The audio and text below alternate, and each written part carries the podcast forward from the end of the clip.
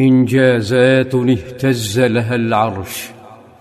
خفق قلب النبي صلى الله عليه وسلم حزنا على حبيبه ابن معاذ فخرج يمشي مسرعا نحو بيته وأصحابه خلفه يسرعون. حتى تقطعت شسوع نعالهم وسقطت أرديتهم عن رقابهم. فهتفوا بنبيهم صلى الله عليه وسلم يا رسول الله أتعبتنا في المشي. فقال صلى الله عليه وسلم إني أخاف أن تسبقنا الملائكة إليه فتغسله كما غسلت حنظلة.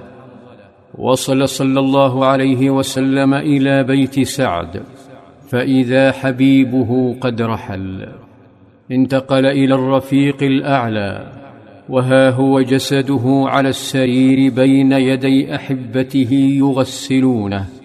فسمع صلى الله عليه وسلم أنين أمه تبكيه حرقة وتقول ويل ام سعد سعدا حزامة وجدا. فقال صلى الله عليه وسلم كل نائحة تكذب إلا أم سعد. ثم لفوه بأكفانه وحملوه نحو البقيع.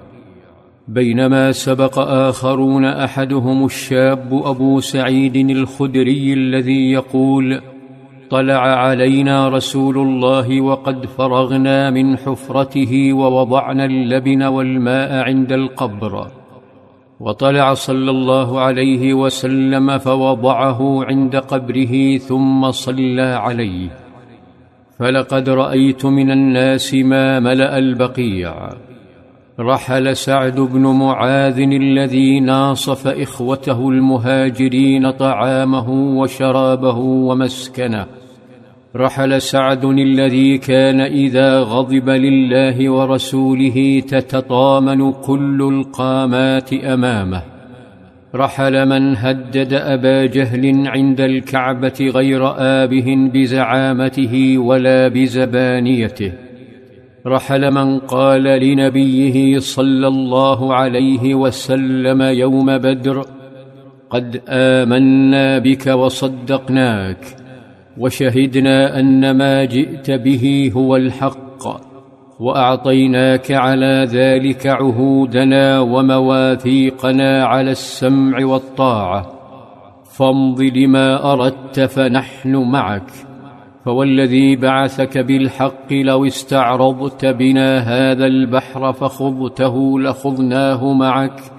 ما تخلف منا رجل واحد. وما نكره أن تلقى بنا عدونا غدا. أنا لصبر في الحرب صدق في اللقاء.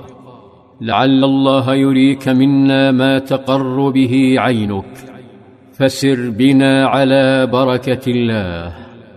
رحل من سابق انس بن النضر إلى رقاب الوثنيين يوم احد.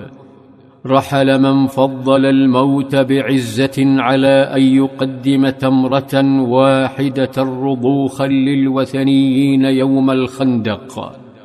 رحل من ملأ أركان المسجد مهددا من يقذف عائشة. سافر ابن معاذ بعد أن طهر المدينة من الخونة.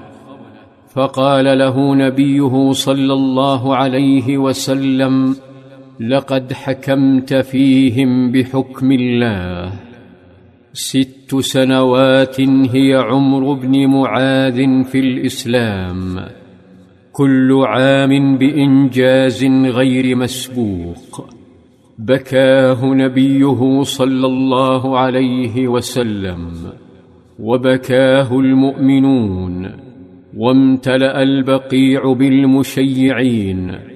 وازدانت السماء برفرفة الملائكة حول قبره واهتز عرش الرحمن لموته واشتاقته عوالم الجنة وافتقدته نخيل طيبة التي مات وهو يذود عنها.